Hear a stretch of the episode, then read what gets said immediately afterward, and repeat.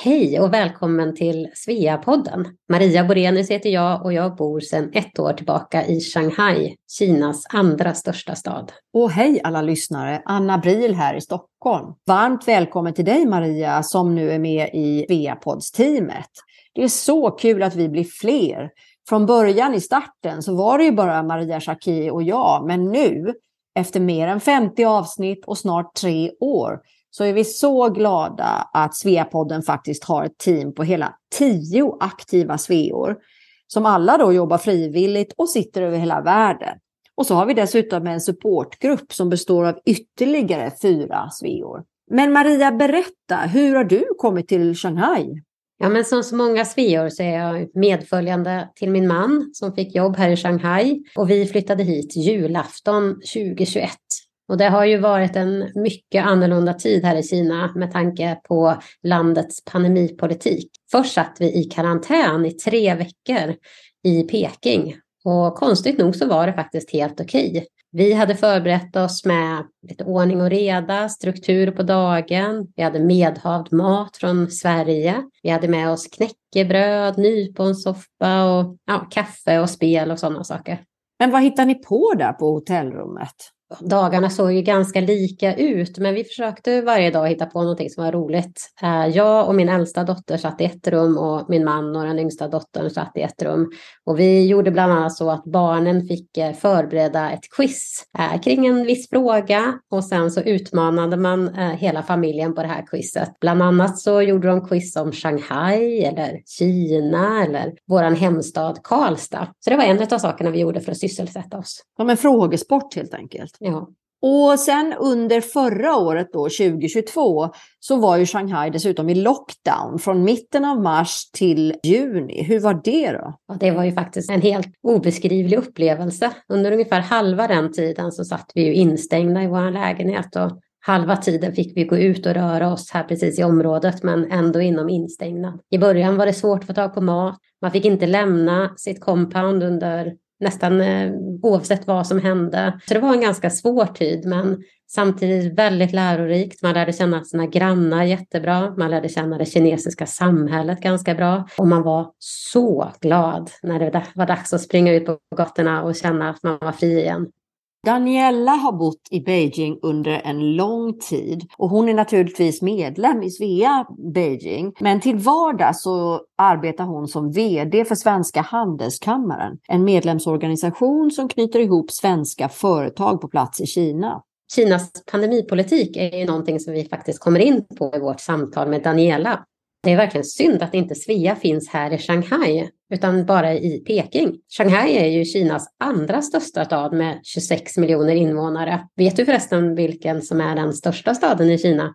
Ja, alltså jag skulle nog gissa på Peking. Nej, det är lätt att tro att Shanghai eller Peking är de största städerna. Men det är en stad som heter Chongqing som är den största staden i Kina. Shanghai har 26 miljoner invånare, Peking tror jag har nästan 22 miljoner invånare och Chongqing har 29 miljoner invånare.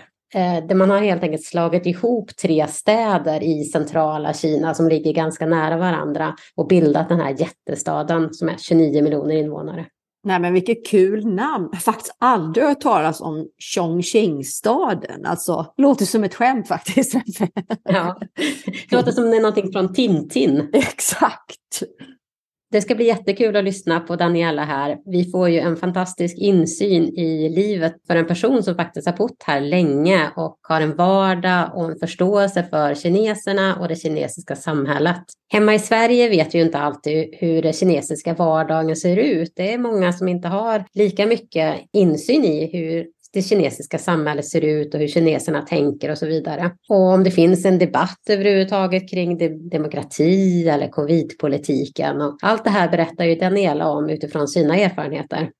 Och så innan vi släpper in Daniela Kom igen nu alla sveor och rösta på din favorit. Ja, jag pratar alltså om Årets svenska kvinna-utmärkelsen. Vi har ju nu fyra finalister, fantastiskt duktiga och fina svenska kvinnor. Och länken har skickats ut till alla medlemmar i Svea med e-post och den kommer att skickas ut igen två gånger till innan röstningen stänger den 28 februari. Och det är ju för att vissa personer kanske har hunnit med och betala medlemsavgiften. Då får du länken när du har gjort det. Och sen kommer ju då resultatet av den här röstningen bland alla 6000 sveor att publiceras under Svea Internationals årsmöte som äger rum den 25 mars. Det är så spännande. Ja, det ska bli jättespännande att se vem som vinner. Men nu är det dags att lyssna på Daniela. Ja, det är faktiskt Daniela som pratar här i början.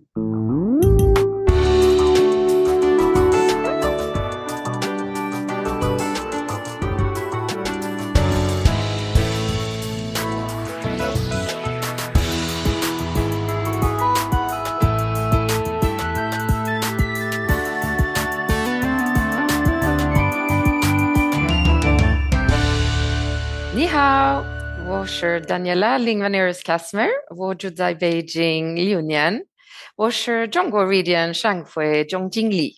Nämen, oj, hallå Daniela, vad var det där? Berätta! det var mandarin eh, som, där jag sa att eh, hej, eh, jag heter Daniela Lingvanerus Kasmer och jag har bott i Peking i sex år och jag är um, general manager för Svenska Handelskammaren i Peking. Varmt välkommen till oss, hörru du. Och då måste jag bara börja med att fråga en liten uh, sak här. Heter det nu Beijing eller heter det Peking? Precis, och det är en bra fråga, för det är väl lite olika. Vi, säger, vi som har bott här ett tag och man pratar mest engelska så blir det lätt att man slinker in på Beijing. Men såklart, eh, Peking är väl det rätta ordet på svenska skulle jag vilja säga fortfarande, mellan svenskar. Och du har ju pluggat då mandarin som är ett av språken i, i Kina. Det är inte, finns det något språk som heter kinesiska? Nej, precis. Det har ju olika dialekter, eh, men mandarin är väl det som är det liksom officiella språket man använder framför allt. Och hur kom det sig att du började plugga mandarin? Jo, det var faktiskt när vi kom till Kina för sex, snart sex och ett halvt år sedan faktiskt. Tack vare min man som eh, fick en utlandstjänst och vi följde med och då insåg jag att jag jobbar inte, då måste jag göra något annat och började plugga helt enkelt mandarin um, ungefär tre, fyra gånger i veckan i två och ett halvt år. Så gjorde jag lite olika tester, någonting som heter HSK som är en väldigt bra system för att eh, utveckla kinesiskan så har man olika nivåer och jag kom upp till nummer fyra av sex. Så det är väl ansett som uh, intermediary. Som, uh... Så du, hur är din mandarin då? Du klarar dig att köpa mat eller är du på, på businessnivå? Eller hur? Nej, inte businessnivå. Uh, det skulle jag inte våga säga. Jag förstår mycket och jag kan läsa många tecken. Jag skulle säga mellan 800 till 1000 tecken. Eh, så det är ju väldigt eh, behändigt när man går runt gatorna och ska liksom förstå lite gatuskyltar och så vidare. Eh, och så kan jag ju då såklart ha en mindre diskussion liksom så, gatan och ta mig fram och så. så det... Men hur är det nu för oss som inte vet någonting? Är det ett tecken per ord eller hur är det? Nej, utan det, ett, ett ord kan vara flera tecken. Är det som på svenska att ett ord kan betyda flera saker? Ja, eller? precis. I alla fall om du har ett annat tecken, men så kanske uttalas bara med en annan ton, men det låter likadant, men det betyder två helt olika saker. Så det är väldigt lätt att bli missförstådd eller eh, säga fel och så. Och hur många tecken finns det?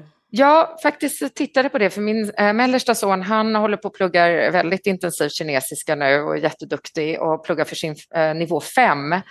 Och där ska man kunna 2500 ord och nivå 6 är över 5000 ord, det är den högsta nivån. Gemene kines på gatan kan väl kanske runt 2500-3000 ord.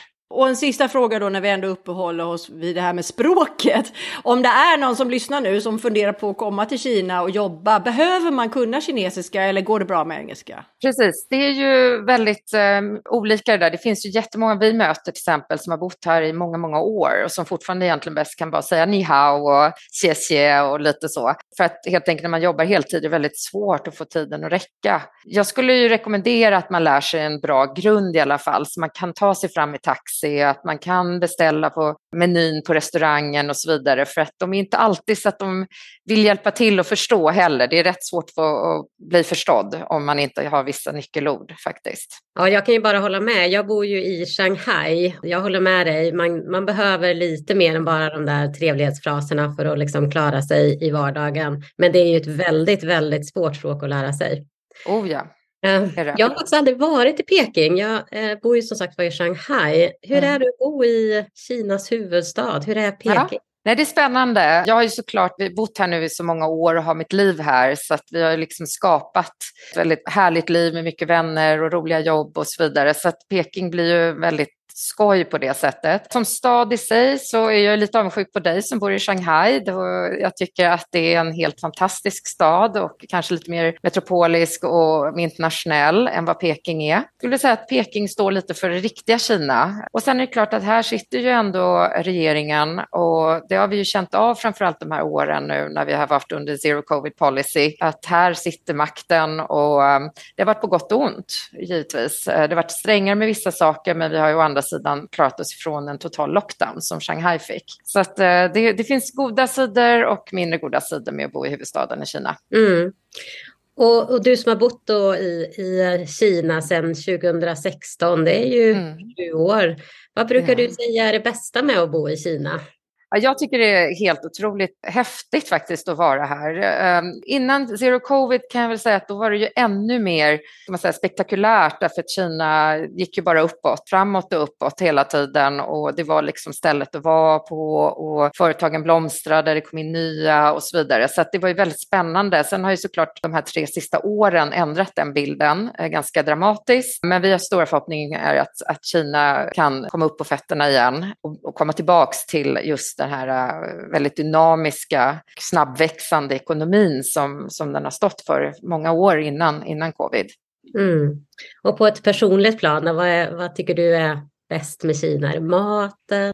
Nu lever jag i en bubbla som vi, alla vi expats lite gör eh, och jag tror att, så att mitt liv ser nog väldigt, väldigt annorlunda ut från kanske en som vi kallar young professional, en yngre svensk kanske som kommer och bor in i stan lite under andra förhållanden och så vidare. Så det, det, blir en annan liksom, upplevelse skulle jag säga vad vi får. Så vi har ju ett väldigt roligt expertliv. Det tror jag man har också i och för sig som young professional under andra omständigheter. Men det blir ju att man är mycket med andra experts, man bor i compounds det är lite secluded på det sättet och en väldigt internationell miljö. Jag har ju på en middag så är vi lätt åtta, nio olika nationaliteter. Det tycker jag är otroligt berikande. Verkligen någonting man har med sig sen i livet och öppna upp sig för alla de här olika kulturerna. Var bor du för någonstans? Jag bor i eh, ett eh, compound som heter Cathay View som är faktiskt väldigt kinesinspirerat. Ser ut som hutonger ungefär. Oj, vad är det? Det får du förklara. Det vet inte alla vad det är. hutonger, hur ska man förklara det? Det är så Peking faktiskt var lite uppbyggt och jag tror att det eh, kommer tillbaka ända från mongolerna när de var här. En hutong är en byggnad där du har en innergård i mitten så det är som en fyrkant i mitten och så går liksom husen runt den här innergården. Ja, och det är ju små, små låga hus kommer jag ihåg när jag var där, eller hur? Exakt Exakt, exakt. Och det finns inte jättemånga kvar. Peking, man har rivit väldigt många, men jag vet att man har börjat att restaurera de som finns kvar och sett mycket värde i det historiska värdet som, som faktiskt finns med Hyttånger. Men, men så att vårt kompan påminner om det, även om inte vi, det är inte riktigt samma, men det är den stilen de har velat efterlikna. Eh, och det är där de internationella skolorna ligger, eh, framförallt en skola som heter Western Academy of Beijing, där mina tre barn går, som jag nog anser är en av de bättre absolut internationella skolorna här. Är det en amerikansk skola eller? Nej, faktiskt, ja, det är en IB-skola, eh, så att det går efter IB-curriculum. Och är det tufft för dina barn eller hur är det? Ja, alltså när vi kom så var ju min dotter bara nio år och hade aldrig pratat engelska mer eller mindre i sitt liv. Så det är klart, det var ju en, en tuff omställning. Men nu har de ju snarare tvärtom lite svårt att prata svenska rent. Det är något vi jobbar på. Så jag tycker de har integrerat sig bra och de, de tycker om det och det är ändå ett, ett annat sätt att, att studera och så vidare som, som ändå passar dem. Om vi nämner det som var bra med Kina, vad, om du skulle summera något som var varit en utmaning eller är en utmaning med att bo i Kina? Mm. Jag skulle faktiskt säga att den absolut största utmaningen var just under 2022. På alla de år jag varit här har jag nog aldrig känt mig så utmanad eh, på alla plan eftersom zero covid policy i kombination med omikron är ju nästan till omöjlighet att, att liksom få ett normalt liv med. Så att jag tror att eh, det har varit en, var en väldigt, väldigt tuff tid. Innan dess så tycker jag att 20 och 21, när faktiskt Europa och USA hade det tufft, då hade vi det i Kina väldigt bra. Vi kunde visserligen inte resa hem, så jag inte, var inte hemma i Sverige på två och ett halvt år förrän jag kom hem förra sommaren. Och det är ju klart, det är tufft i sig, men i övrigt så kunde vi business as usual, vi, vi levde som vanligt, vi reste runt in i Kina, vi höll stora events, till och med en fest med 270 personer höll vi på Svenska Handelskammaren, vilket var då eh, helt omöjligt att ens föreställa sig i Europa och i USA. Ja, men jag förstår att äh, covid har varit en stor utmaning på många mm. sätt. Som du nämnde i Shanghai så hade vi ju den här långa lockdownen som mm. självklart präglade 2022 i väldigt stor utsträckning och nu börjar det ju se annorlunda ut. Nu har de ju ändrat många av sina policies. På vilket sätt? Jag är dåligt insatt i hur det var i Peking. Ni har inte haft någon lockdown eller hur, hur har det påverkat er dagliga livet? Det har aldrig varit en sån lockdown som Shanghai fick dessvärre leva, men, men vi har haft som en semi-lockdown kan man säga. Ingenting fungerade ju. Restauranger var nedstängda, skolor gick online, ja, mataffärerna var fortfarande öppna, men man var tvungen att testa sig varje dag och man kunde liksom knappt lämna sina kvarter för att hamnade man i en high risk zone så kunde man riskera att hamna i en karantänscentrum som var sådana stora hangarer som man byggt upp. Så ingen vågade egentligen nästan ta sig någonstans. Så det slutade ju med att man var väldigt mycket hemma. Men du, eh, vi undrar ju här hemma i Sverige och på kanske många andra ställen också. Vad är det som egentligen orsakar den här covid? Var det fladdermössen eller var det något fuffens där i det där Wuhan? Ja, precis. Det där är väl någonting vi som bor här i Kina aldrig riktigt får reda på för att det är ingenting som man pratar om i medier. Eh, jag tror att det är en liten blame game också eh, från Kinas håll mot USA till exempel och anser väl att det egentligen inte kom från Kina från början. Så det har väl varit olika varianter. Här i Kina så spekulerar man faktiskt inte så mycket över det. Jag har faktiskt inte hört så hemskt mycket runt det. Men det är klart att jag tror att alla är överens om att det har med den marknaden som var i Wuhan och att det var helt enkelt infekterade djur som folk har ätit. Så det är väl det som är lite den officiella förklaringen. Och hur har du som svensk upplevt det här med kinesiska myndigheter? Har du känt dig orolig över hur det hanteras och hur, hur de har gjort under covid? Eller har det känts som hemma i Sverige? Nej, troligen inte. Nej, troligen inte. Precis. Det är en oerhörd skillnad mellan hur Europa hanterat det och hur Kina har hanterat det. Det som är väldigt fascinerande är hur vi människor verkligen är flexibla och hur vi plötsligt ställer om oss till nya omständigheter och nästan får till det att det blir en normal vardag. Det är någonting faktiskt jag kan tycka är rätt fascinerande för att vi har levt under extrema förhållanden egentligen sista, eller under 22 då framför allt och ändå lyckades vi leva våra liv och träffa våra vänner och jobba under liksom mycket hemifrån visserligen men ändå hålla uppe någon form av eh, normal vardag trots denna totala tokiga situation. Det är rätt fascinerande att se hur vi människan ändå kan ställa om oss till extrema förhållanden. Tror du att det här sättet som Kina har ju kört en hårdare policy kan man väl säga mot befolkningen än vad speciellt än vad Sverige gjorde där vi fick typ göra vad som helst. Tror du att det gav ett bra resultat? Har det, jag kan inte statistiken. Har det varit färre per capita som har varit sjuka i Kina, tror du eller? Jag tror så här, eller som jag, jag, tror att de flesta håller med mig om, att 2021 så funkade zero covid policy. Det var faktiskt inte så dumt, för då, hade, då var det ju en helt annan variant.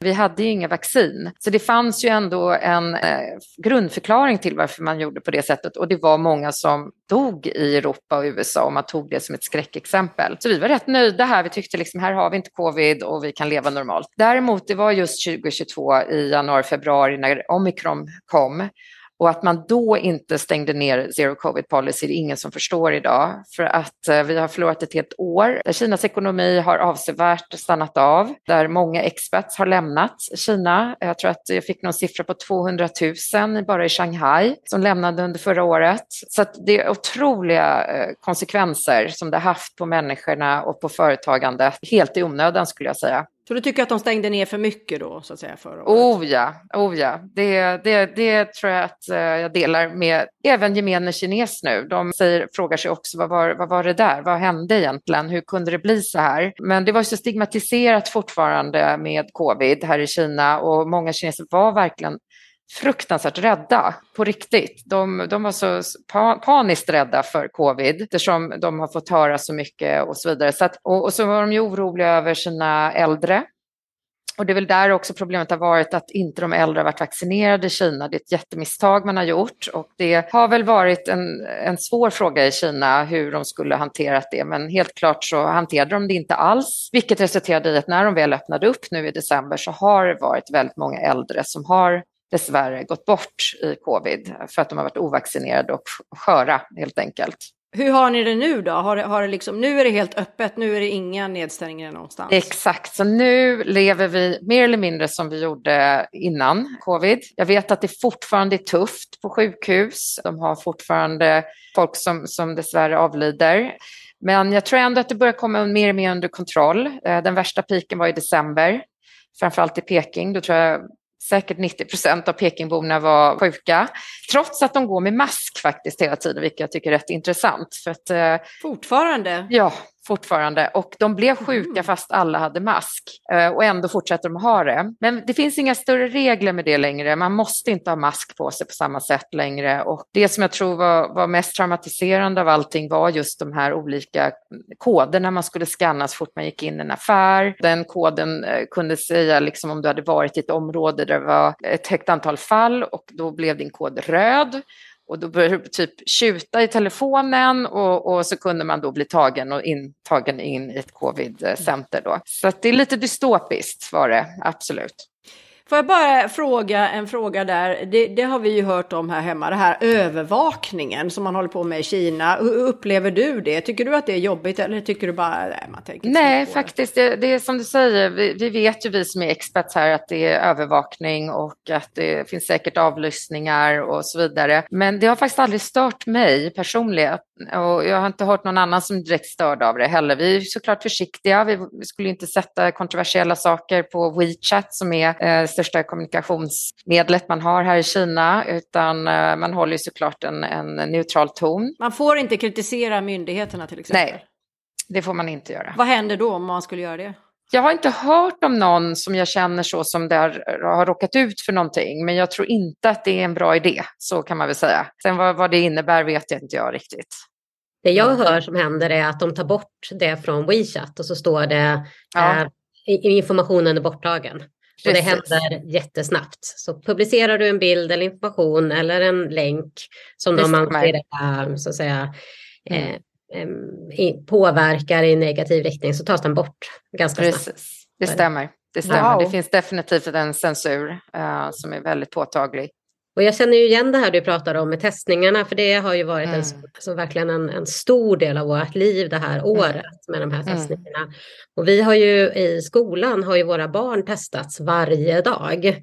Man kliver av sin skolbuss, eh, man får en, en testning eh, på en gång och eh, så alla barnen har ju regelbundet testats. Det är ju någonting som man nästan har svårt att föreställa sig hur en ah. sån apparat skulle fungera i Sverige liksom. Mm. Men i, i Kina har det fungerat. Och jag kan ju bara som en hänvisning till det här med myndigheterna i våran skola, där är det ju då skolmyndigheten i Shanghai som bestämmer om de här testerna indikerar en smitta mm. eller om man har varit nära någon. Och då har det fungerat så att skolmyndigheten har ringt till en utpekad person på våran skola och sagt nu stänger ni skolan, äh, den här eleven ska skickas hem eller vad det nu kan tänkas vara.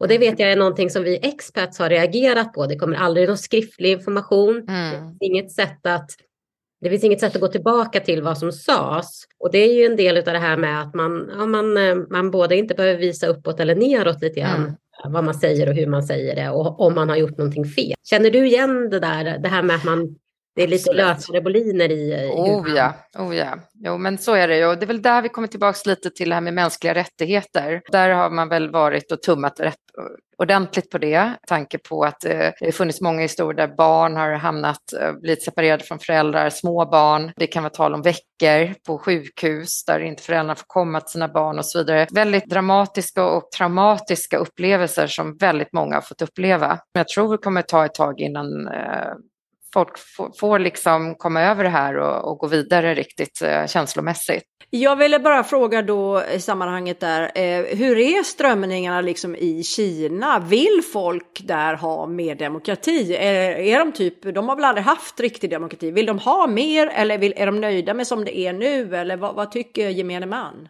Jag tror faktiskt att de är ganska nöjda generellt. Det är väl just zero Code policy som, som det ställdes på sin spets. Men i övrigt så har jag inte hört några större klagomål. Jag tror att det är klart finns de som är kritiska och de som inte är det. Men eh, generellt så, och sen är det som, som vi sa innan, det är inte så att folk direkt sådär jättegärna pratar heller om det de inte tycker om här i, i onödan. Många saker sköts ju väldigt, väldigt bra i Kina. Det här är ju ett väldigt säkert samhälle som sagt på det sättet att det finns ju brottslighet givetvis men ingenting vi ser. Vi känner oss väldigt trygga här på gatorna. Jag skulle kunna gå tre på morgonen på gatorna, ingenting skulle hända mig och så vidare. Och det är klart, det spelar ju också en stor roll i folks nöjdhet hur landet sköts och det är ju inget litet land det här. Svea är den största ideella Sverigefrämjande organisationen utanför Sverige. Våra värdeord är världsvid vänskap, global kompetens och lokalt stöd. Vår vision, det är att vara det självklara nätverket för svensktalande kvinnor utomlands. Och vårt syfte är att främja svensk kultur, svenska traditioner och det svenska språket ute i världen. Välkommen som medlem i Svea. Du hittar all information om hur man blir medlem på svea.org.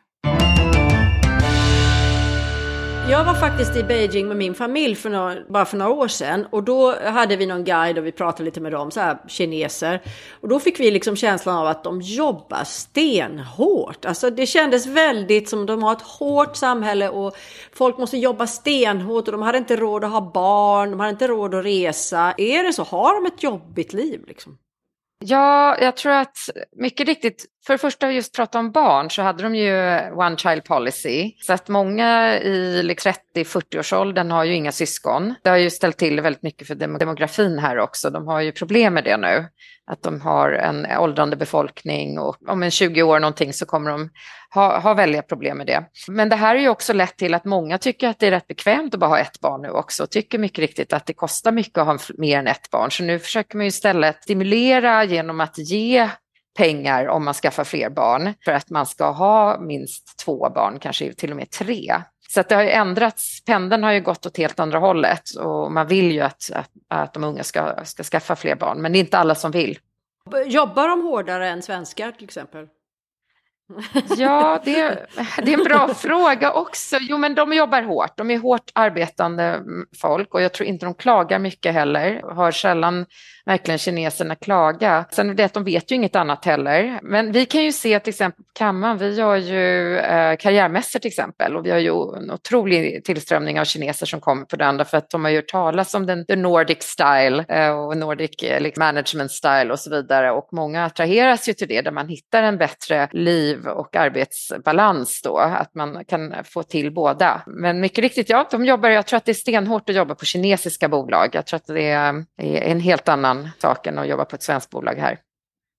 Men eh, så spännande. Men du Daniela, vi är ju lite nyfikna på dig också och vad du har hittat på innan du kom till Kina och var kommer du ifrån och vad är hemma i Sverige för dig? Jag är stockholmare, född i Stockholm på Östermalm, bodde där till jag var 23 och fick då tillfället att åka till Paris och plugga. Så jag gick på ett universitet där och tog en bachelor. Och när jag var färdig med den då fick jag tack vare den skola jag gick på kontakt med eh, tidningen som då hette International Herald Tribune, som nu heter International New York Times, som har deras huvudkontor i Paris och började arbeta där som säljare eh, för annonsförsäljning. Och sen började jag eh, plugga för en MBA som de hjälpte mig att finansiera och så fick jag komma tillbaka som eh, chef för den enheten jag hade varit säljare på innan. Så det var jätteskoj, så jag var nio år där, men det var tufft, jättetufft att jobba på franska. Jag har ju en förkärlek för Frankrike och franska fransmän, men det är inte alltid lätt att jobba i den miljön, så kan man väl säga. Vad var det som var, inte var lätt? Det är hårdare bud, det är inte den svenska snällheten på arbetsplatsen på samma sätt och förståelsen och så vidare. Det är tuffare, tuffare tag. Sen är det en annan kultur, även om vi är nära kanske geografiskt så är vi väldigt olika, vi och fransmännen, i många av våra värderingar. Det hade sina upp och ner stunder, men 12 år spenderade jag i Paris, träffade min svenska man där fick vårt första barn. Han var expert i Paris på SCB. Så var det dags för honom att åka hem och då följde jag ju såklart med. Vi flyttade hem till Stockholm, vilket var perfekt timing där vi fick eh, två till barn och fick uppleva hela den här underbara svenska dagisvården och det, hela den här svenskheten. Så att våra barn har verkligen vuxit upp i det i, i tio år, tio, elva år. Sen jobb, började jag jobba på Svenska Dagbladet där jag jobbade i sex år som ansvarig för den internationella annonsförsäljningen. Och det var ju också en fantastiskt bevis på hur lätt det är att vara småbarnsförälder och eh, jobba fulltid i, eh, i Sverige. För att jag lyckades ändå få till det genom att man hade en flexibilitet, kunde gå fyra på eftermiddagen för att hämta barnen på dagis, men ändå skötte man sitt jobb och så vidare. Och det är inte alla länder som kan stoltsera med, med det. Hur skulle det ha varit om du hade haft samma situation i Frankrike tror du? Det hade inte accepterats kan jag säga. Så hur gör folk där då? då? Ja, de hämtar sina barn mycket senare, kanske vid sju, sex, sju på kvällarna. Där är det inte alls i normen på något sätt att man skulle få den friheten att få vara med sina barn på det sättet. Man har nannies där också och så vidare, så man kanske är hemma sju, åtta på kvällen. Mm. Du nämnde att det var din mans arbete som fick er att flytta till Peking och Kina. Ja. Var det ett självklart val att, flytta till Peking eller till Kina? Inte alls faktiskt, inte alls. Jag hade precis fått ett nytt roligt jobb. Jag satt på Bonnier News och jobbade för ett litet bolag som heter Aspiration men som var integrerat på Bonnier News och har ansvar för internationella annonsförsäljning. Så det var lite av mitt drömjobb då. Jag hade hunnit göra det i fyra månader tror jag bara när jag fick samtalet från min man på jobbet och sa det att jag har fått det här jobbet i Peking. Då sa jag det var roligt för dig. Vi ser, see you around. Jag sa det i Peking, där kan man inte ens andas. Det var faktiskt bland det första jag sa för att på den tiden tiden var det ju otroligt smog här. Så det fanns inte på kartan. Så att han åkte faktiskt eh, med våran äldste son själva och var där. Och sen när jag kom dit och hälsade på, det var då jag insåg det klart jag måste ta mig hit. Det här är ju once in a lifetime och den här möjligheten kommer jag aldrig komma tillbaka och så vidare. Så jag kom väl en fem, sex månader efter han hade flyttat hit. Så då sa jag upp mig. Och... Tyckte du att du hade förutfattade meningar som inte riktigt stämde då när du kom dit eller? Ja, absolut. Jag, har faktiskt, jag hade, om jag ska vara helt ärlig, aldrig varit intresserad av Kina på något sätt innan. Så att jag hade inte ens föreställt mig hur det skulle vara att bo i, i Kina.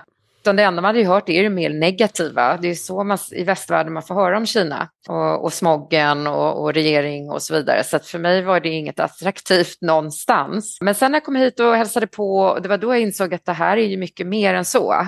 Jag tackar jag mig själv för att jag faktiskt tog beslutet att komma. För det har jag aldrig ångrat. Du berättade det där med luften. Det har man ju hört att vissa skolor är inne liksom i jättestora tält eh, för att ha en viss luft. Men eller, eh, har luften liksom blivit bättre i Beijing nu, eller hur är det? Mycket bättre, mycket bättre. När vi flyttade hit då sex och ett halvt år sedan, då var det ju smog och nu finns det ett sätt man kan räkna det AQI heter det och då var det väl runt 5 till 700 låg det på medan i Stockholm kanske vi har 15 för att ge en litet perspektiv. Så det var ju faktiskt väldigt skrämmande och det luktade illa till och med. Smog luktar verkligen. Men hur, hur har de fixat det då? De har helt enkelt flyttat på fabrikerna till någon annat ställe. Det är utmärkt lösning. Så det, fabrikerna finns ju fortfarande men de är bara inte centraliserade så mycket just i Peking. Det är mycket bergskedjor runt omkring så det är svårt att få luften att försvinna. Så det var väl inte det bästa stället att ha fabriker på. Det har flyttat kanske till andra städer. Är de miljömedvetna överhuvudtaget? Oh, ja, absolut. De har ambitiösa miljömål som regeringen också har gått ut med i sina slags stadgar och, och, så vidare. Så de jobbar hårt med det och de är väl ledande. Jag tror att det är tack vare Kina lite vi har solceller till exempel. Och, och, det är väl det man får tacka Kina för. De är otroligt snabba. När de gör någonting så händer det fort. Har en, en innovationsnivå ändå som är väldigt märkbar. Och sen är det klart att de vill ju lära sig av andra. Svenska företag har jättemycket att lära eh, Kina i, för vi ligger ju väldigt mycket framkant också. Eh, med eh, just sustainability.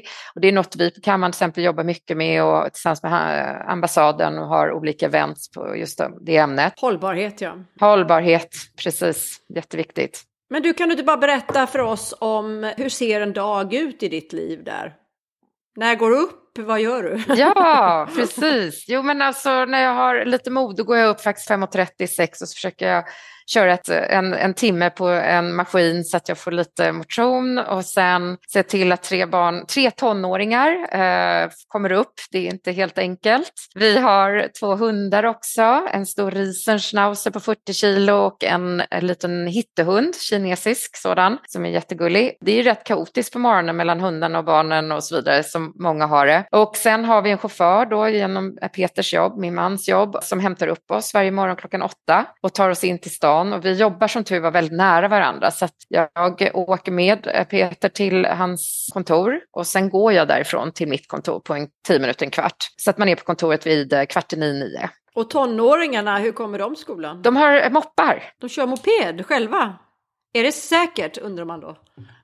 ja, precis. Jag, jag propsar ju på det här med hjälm. Min äldste är ju inte jättehjälmvänlig, så han lever ju ett farligt liv varje dag. Men han är 19 snart. Men här är det mycket moppar man kör, särskilt där ute där vi bor. Jag känner verkligen igen mig i den. Ja. Det är moppar överallt. Verkligen. Det är så man lever sitt liv i Kina. Det, det, förstår jag. Jag tror vi såg att du håller på med tennis eller har hållit på med tennis. Vad, gör du det även i Kina eller vad gör du på fritiden? Ja, alltså det är inte så mycket egentligen. Det var väl mest att mina barn spelar mycket tennis. Jag har ju spelat tennis såklart när jag var yngre och så vidare, men det har aldrig varit eh, egentligen ett stort intresse jag haft. Men jag var mycket riktigt med i eh, styrelsen för en tennisklubb i Stockholm i ett år. Så det var spännande, det var första styrelsearbete jag har haft och gjorde mycket förändringsarbeten och så vidare. Men det var just den tennisklubb mina barn spelade på, därav mitt engagemang helt enkelt. Och vad gör du nu då på fritiden? Har du någon fritid? Ja, precis. Det, blir ju faktiskt inte så mycket för vi lämnar ju åtta på morgonen och kommer hem sju på kvällen och sen är det middag och, eh, och så. Men vi har ju ett väldigt aktivt socialt liv. Det tar väldigt mycket rolig tid från oss. Det är ett stort gäng vänner. Det blir en sån situation, särskilt under covid har det blivit att man har kommit väldigt nära folk och vi har liksom stöttat varandra och så vidare. Så vi har ett väldigt rikt socialt liv och det tar mycket av den tid vi har. Sen försöker jag då sporta och ja, vara med hundarna, gå ut med dem. Tiden går. Du, en sak som många som flyttar utomlands upplever som väldigt positivt är just det där du säger, att ha ett rikt liv med andra nationaliteter. Vad är det för andra nationaliteter som bor där, där du är? Är det mycket amerikaner eller är det mycket svenskar eller var kommer de ifrån? Precis, nej faktiskt inte amerikaner. Eh, de bor inte just där vi bor så mycket. Vi har ett väldigt blandat, det har varit från holländare, spanjorer, från Pakistan, Indien, Nepal, Frankrike, absolut, vi har ett stort franskt umgänge som vi pratar flytande franska, både jag och Peter. Finsk, en finsk familj vi umgås mycket med också. Så det är otroligt häftigt faktiskt. Jätte, jätteroligt är det att umgås sådär mellan, mellan kulturer. Ja, vad härligt. Och du, eh, men nu måste vi komma in lite på ditt jobb här. Du är ja. alltså vd då för Svenska Handelskammaren i Kina.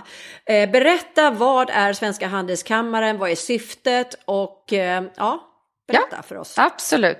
Eh, eh, Swedcham som vi också kallar oss, Swedcham China då, vi har ju funnits nu exakt 25 år faktiskt i år, så det kommer vi fira storartat i år. Vi är en medlemsbaserad organisation som är helt opolitisk, vi är non-profit, så att vi är ju själv fristående organisation som startades av några företagare för 25 år sedan här i Kina. Men vi är registrerade av den kinesiska staten som en uh, foreign chamber, så vi har den staten statusen, vilket är väldigt viktigt. Annars får man inte kalla sig Chamber of Commerce överhuvudtaget. Eh, vi har idag 240 medlemmar, varav de är 200 företagsmedlemmar. Och det är givetvis alla större svenska bolag, men även mindre bolag också. Vårt syfte är helt enkelt att vara en information, nätverkande och facilitatorsplattform för dem. Så att vi försöker hjälpa dem helt enkelt att få den information de behöver, att kunna nätverka med varandra. Det kan vara kräftskiva, julfester, vi har gjort midsommarfester, men Också givetvis en uh, allvarlig sida med seminarier, webbinarier och så vidare, olika policies eller olika nya regler och så vidare. Säljer ni tjänster till företagen eller är det mer att de är med och betalar en avgift och sen får man allting? Precis, de betalar en avgift men sen alla våra olika evenemang kostar. Visserligen inte väldigt mycket, men de, det finns ett pris på det och är man icke-medlem får man betala 50% mer. Så det finns en, ett värde i att vara medlem på det sättet. Vi har inte tjänster på det sätt som det finns vissa svenska handelskammare i, i världen som eh, erbjudit erbjuder till exempel kontorsplatser och så vidare. Det är ingenting vi gör och har aldrig gjort utan det är någonting Business Sweden istället gör här. Så att vi har ju olika spelare på marknaden. Berätta lite, vad är skillnaden? Kanske någon som undrar. Business Sweden som finns också över hela världen och Handelskammaren då? Vad är skillnaden? Så att Business Sweden är ju hälften statligt och hälften privat. Det är ju konsulter som hjälper svenska bolag som vill komma till Kina att helt enkelt göra market entry då som det kallas eh, och hjälpa dem med det legala. De kan hjälpa dem att starta det själva företaget. De kan till och med vara deras högra arm här tills de själva kan komma fysiskt på plats och så vidare. Och man kan hyra in sig i deras lokaler och eh, anordnar eh, studieresor till exempel i olika delar av Kina för olika eh, sektorer. Då. Vi jobbar ju rätt nära Business Sweden så att vi har ju liksom en kompletterande roll. Vi är den som är nära medlemmarna på ett annat sätt. Liksom, vi har en mycket mer nära och varm skulle jag säga, relation på det sättet med alla medlemmar. Mer nätverkande kanske? Det är ett nätverkande, precis. Det är liksom en community. Och sen har vi ju ambassad och konsulat i det hela också som har sin roll. De har eh, helt andra, andra funktioner, men tillsammans så jobbar vi ihop mycket som Team Sweden som det heter, där vi gör en Business Climate Survey till exempel, en, en undersökning varje år där vi mäter lite eh, affärsklimatet och så vidare i Kina. Sen gör vi lite andra olika evenemang tillsammans och så, så att vi har ett väldigt gott samarbete. Men ni är helt självfinansierade då av de här medlemsavgifterna. Ni får inga pengar från svenska staten? Ingenting. Ingenting. Noll, noll kronor. Noll kronor och så är det faktiskt för alla svenska handelskammare i världen. Det finns ingen handelskammare som är statligt understöd.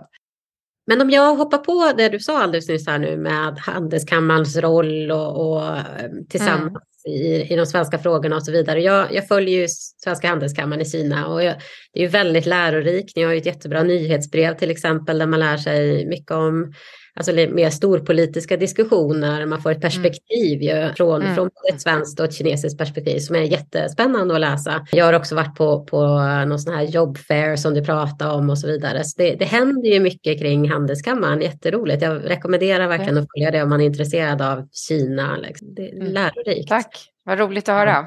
Ja, men verkligen. Det jag hör och det man, det man pratar lite grann om är ju att fler och fler internationella företag är lite tveksamma kring sin närvaro i Kina. Det spekuleras ju mycket kring produktion för Apple och Tesla och så mm. vidare. Mm. Och det har ju naturligtvis mycket att göra med, med den här policyn man har haft. Det har varit helt enkelt omöjligt att besöka mm. fabriker och så vidare. Hur skulle du säga svenska företag resonerar kring det?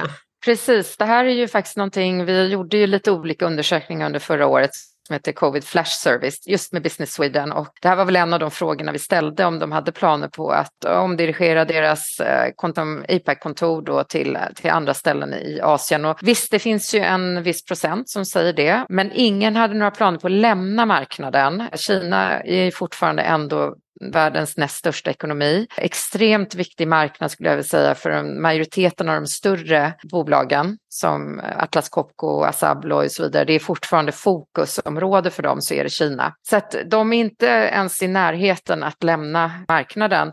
Däremot så tror jag att det här har kanske varit en ganska nyttig erfarenhet så tillvida att man har lärt sig att inte lägga alla ägg i samma korg utan man kanske sprider på sina supply chains och leverantörer och så vidare för att inte just sätta sig i en situation där man är så beroende av att det fungerar allting här alltid. Så att man har nog kanske ändrat om lite sin affär eh, men inte några planer på att lämna marknaden. Ja, och sen beror det väl på om man har produktion eller om man också har en marknad, en försäljningsmarknad. Alltså det är ju, då har man kanske lite olika perspektiv.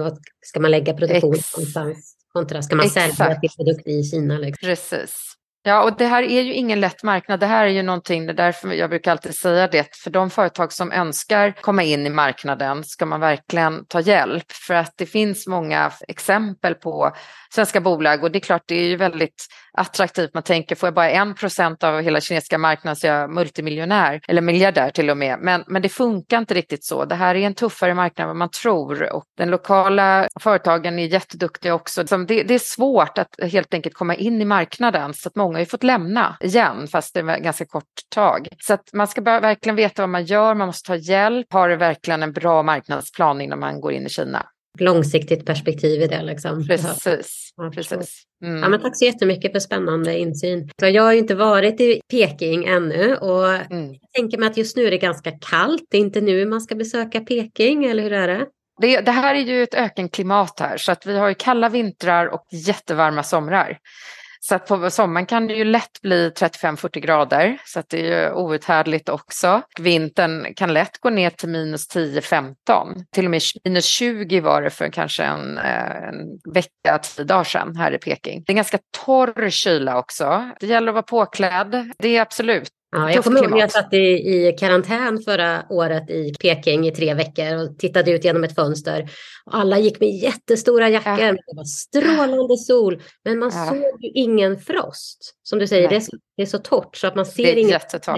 Det var svårt att föreställa sig att det var kallt ute, för det såg inte kallt ut. Nej, och det är ändå det. Det är verkligen bitande kallt blir det här. Men eh, som tur var är inte vintern jättelång och framförallt i dagarna längre än i Sverige. Om jag ska jämföra med livet i Sverige och vintern i Sverige så är det någonting jag tycker är väldigt tufft. Den långa vintern, det är så mörkt. Här går solen ner kanske vid när det är som värst kanske den går ner vid halv fyra, fyra, men nu går den snarare ner vid sex redan och vi är bara i början av februari. Så att dagarna är längre, eh, man får mer dagsljus och det gör väldigt mycket med humöret faktiskt. Om man vill besöka Peking här och när ska man åka då och vad ska man hitta på när man väl kommer dit? Jag tycker våren eller hösten är fantastiskt, båda på två helt olika sätt. Våren såklart därför att då har du ju värmen. Redan i maj kommer det vara minst 25-27 grader. Det vackert, mycket blomster. Hösten också är ju fantastiskt vacker och ganska mild ända fram till, jag skulle säga slutet av oktober, då smäller det till. Fram till dess så är det jättebehagligt och september är fortfarande nästan en sommarmånad här faktiskt. Så att hösten är väldigt kort, skulle jag säga, tills det plötsligt blir vinter. Det man ska göra såklart i Peking är ju givetvis förbjudna staden, muren. Jag har faktiskt själv gjort en halvmara på muren för en fem år sedan ungefär. Det var bland det värsta jag varit med om för det är väldigt tufft. Bara att eh, gå på muren, ska man försöka dessutom springa så är det en utmaning. Hur mycket halvmara, hur mycket är 23 det? kilometer. Wow, du sprang 23 kilometer? Ja, fast man kan ju inte riktigt springa. Det är väldigt mycket upp och ner, så man tror inte man inser det förrän man har varit på muren, hur tuff den är att gå eller vara på. Vi ska väl säga också att muren ligger ju inte inne i Peking, man måste åka en bra bit, eller hur? Precis, man får åka en timme, en och en halv ungefär ut från eh, centrum. Så är man ändå vid muren och eh, det är sådär lite nypa sig eh, upplevelse när man står där, det är det ju. För det är ändå en av världens största underverk och den är ju, det är ju otroligt när man ser på historien och så vidare. Så den får man inte missa. Sen finns det ju också andra fina tempel och så vidare. Förbjudna staden, ska vi bara ta lite, vad är det nu igen? Där bodde ju den sista kejsaren, om man har sett filmen till exempel. Så att eh, där var ju, det var ju kejsarslottet eller eh, hemmet då eh, och det är enormt, enormt och väl värt att, att gå och titta och, och spendera. Men man får nog vänta sig att det tar en tre, fyra timmar om man vill se det mesta i den i alla fall. Jag ser verkligen fram emot att komma till Peking nu när du berättar Ja. allt det här. Jag har precis fått en känsla för den kinesiska maten och börjar gilla vissa saker. Vad, vad är Ja. dina favoriter och vad tycker du om att äta i Kina? Jag, jag har ju gått och blivit eh, vegetarian på äldre dagar, bara sedan ett och ett halvt år sedan. Men innan jag gjorde det så var det väl gong bao ji, vilket är den här kyckling, kinesiska kycklingrätten med nötter i och den är nog en av mina absoluta favoriter. Sen är det ju såklart att dumplings är ju ett måste, man måste ju ha det. Men sen är väl absoluta största favoriten i Pekinganka. Det är helt ljuvligt faktiskt. Och det är Berätta för alla som, de som inte vet vad det är, vad är Peking Duck eller Pekinganka? Det måste nästan vara den mest eh, kända rätten här i Peking. Och det är lackerad anka som har varit, vad jag förstår, i ugn i många, många timmar och så vidare. Som de skär upp i ganska tunna skivor och sen äter man det med selleri eller vad det är för något, gurka och så vidare. Och så har man små, små tunna bröd som man lägger allt det här i. Och sen har man något som heter hoisinsås som är en specifik sås som eh, har en väldigt speciell stark eh, smak som man lägger på och rullar och äter på det sättet. Det är liksom hela upplevelsen i sig är väldigt rolig och, och sen är det framförallt väldigt gott. Ja, det, det där är ju så gott alltså. Ja. Synd, synd om dig som inte får äta Jag det vet, mer. jag vet. Ja, det, jag lider faktiskt eh, av det. Eh, det är ju ingenting man kanske lagar hemma, för de- det verkar inte så jättelätt. Jag tror inte man kan det om man inte har en specifik ugn. De här görs i liksom speciella ugnar och det är timmar vad jag förstår som de här tillreds. Så att, eh, det ska man nog gå på restaurang och göra. Jag var på en restaurang där i, i Beijing eh, och då hängde de där eh, ankorna över en öppen eld. Nej men det är väldigt, väldigt typiskt och det kan man inte missa om man kommer hit. Men du, eh, känner du till Svea? Vad vet du om Svea? Ja, såklart. Jag är ju SVE-medlem. Ja! Sen, eh, sen första året jag kom och har till och med varit eh, red, redovisare tre år faktiskt för Svea. Revisor. Ja, Revisor! det. tack, tack. Du ser, svenskan eh, börjar fallera. Jo, och särskilt innan jag började jobba så var jag ganska aktiv också. Vi hade matlag och, och det var väldigt kul. Matlag är jätte, jätteroligt där man träffas en gång i månaden i olika hem och så har man teman och man klädde ut sig och så står man och lagar mat tillsammans och har faktiskt jätte, jätte, jättebra koncept. Jag vet att de också har bokklubb och så vidare, men det har jag aldrig varit med på, men vet att det är också väldigt populärt. Är det många svenskar i Peking alltså? Det var ju det. Innan min tid så var minst hundra familjer tror jag som med son Eriksson och så vidare. Sen stängdes ju det ner och då tror jag att minst 60 familjer bara plötsligt försvann från ena dagen till den andra mer eller mindre. Det fanns ju en svensk skola i Peking och den var ju tvungen att stänga ner då. Så det var en väldigt stor community. Eh, jag måste säga att den är väldigt liten nu. Jag vet att Svea i Peking eh, har det lite tufft med att få medlemmar för att det är ju färre och färre och fler och fler jobbar. Det är också en stor skillnad som har hänt sedan jag flyttade hit. För när jag flyttade hit då var det helt normalt att vara just en expertfru då och eh, springa på champagneluncher och så vidare. Men nu är, skulle jag säga att 80 procent, 90 procent av alla fruar som kommer jobbar på något sätt. Åh, men då måste jag ju fråga då. Låt oss säga att man får chansen att flytta till Kina. Alltså hur hittar man ett jobb? Och är det svårt, lätt och vad kan man jobba med? Nej, det är ju inte lätt. För att, att få arbetstillstånd i Kina är jättetufft. Man måste ju såklart hitta först en arbetsgivare som är redo att gå igenom hela den processen som är tung. Sen måste man då, de har ju sådana poängsystem, så att om man får poäng för om man har till exempel en masters degree, om du har gjort just den här HSK som jag nämnde förut, så då får man antal poäng för varje nivå man har tagit. Man får poäng också, vilket man kan tycka vad man vill om, men av vilken ålder man har. Så att är man lite äldre så får man lägre poäng och man ska egentligen ha höga poäng då. Så att de är ju rätt så ja, selektiva. Det är hårt.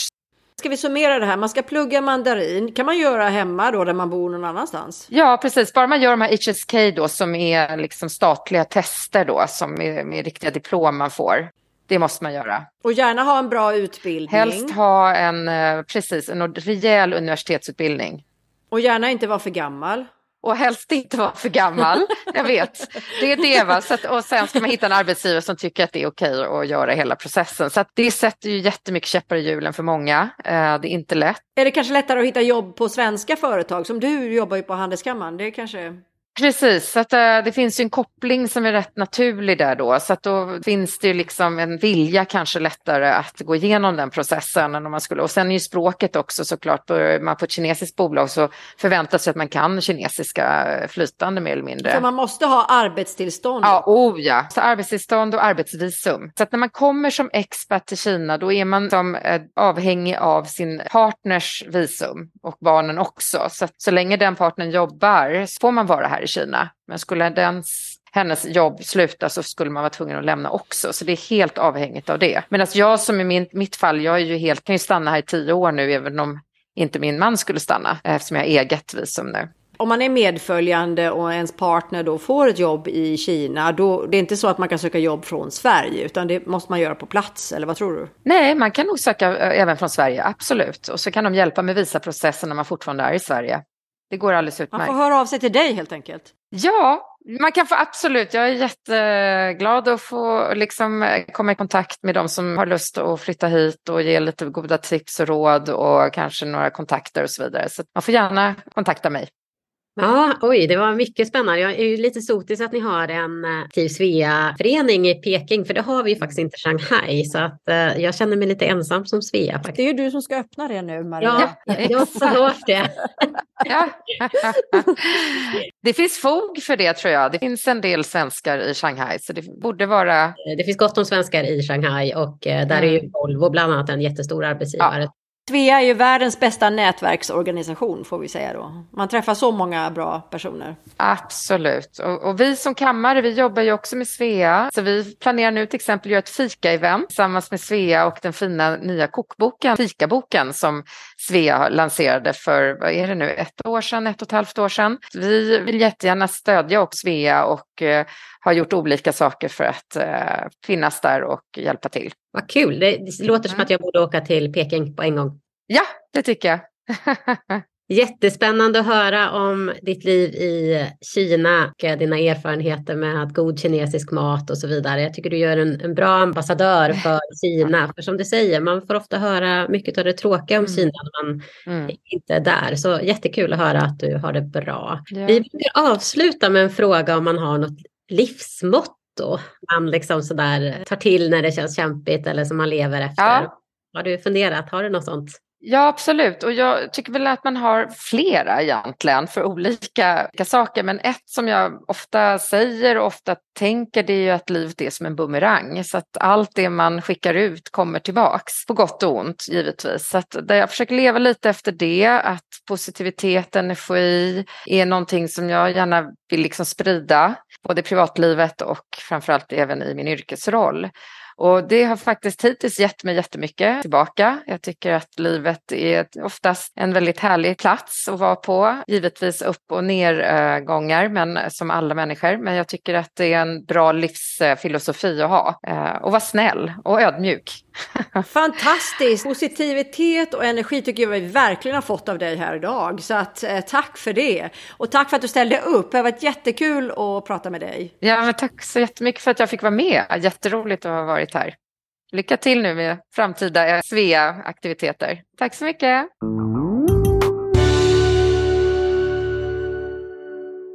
Tack för att du har lyssnat. Den här podden är inspelad och producerad för Svea International. Musiken är skriven för Svea av Fredrik Åkerblom. Alla vi som på olika sätt är involverade i produktionen gör detta som en del i vårt frivilliga engagemang för Svea. Sveapodden finns på de allra flesta ställen där du hittar poddar. iTunes, Google Podcasts, Spotify, Acast etc. Om du saknar något poddställe så skicka ett mejl till sveapodden gmail.com. Mer information om Svea hittar du på vår webbplats svea.org och i sociala medier så finns vi på Facebook, Instagram och LinkedIn och där hittar du oss som Svea International.